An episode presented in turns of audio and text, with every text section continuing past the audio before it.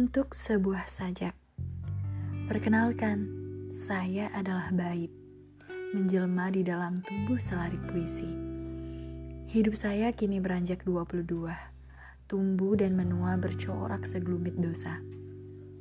Sudah 22, pernahkah saya merasa lelah? Ya tentu saja saya pernah. Titik lelah itu selalu saya temukan bahkan hampir setiap harinya Titik terlelah saya adalah lelah berbahasa basi dengan percakapan baru, puisi baru, ataupun saja lucu. Dan kisah saya kali ini adalah tentang saya, seorang bait yang pernah patah.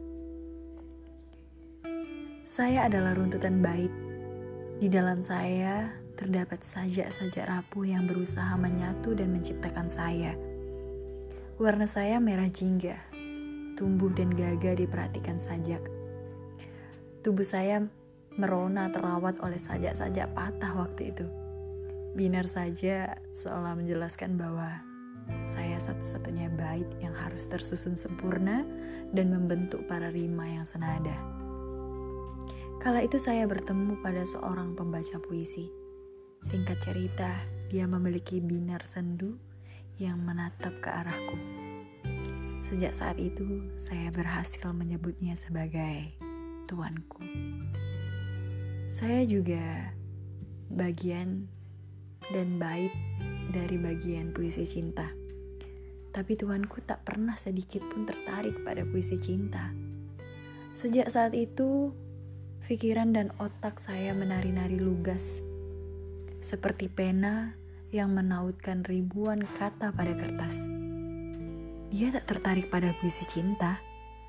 Namun mengapa dia terus membacaku? Memperbaiki sajak-sajak lusuh dalam diriku. Dan entahlah, berkali-kali saya mencoba menjadi bait terbaik dalam puisi cinta untuknya. Berkali-kali juga Tuhan tak menyukainya. Ia berusaha mencoba mengubah segalanya dan menggiring saya menjadi sebagai bait bermakna dosa. Mematahkan saya berkali-kali dan menciptakan lebam yang masih saat ini saya bawa. Tuan pembaca puisi, sekaligus Tuan pematah hati. Kini saya menulis puisi lagi. Barangkali kau lupa, maka lagi saya perkenalkan diri. Saya adalah bait cinta yang pernah kau baca bernada luka.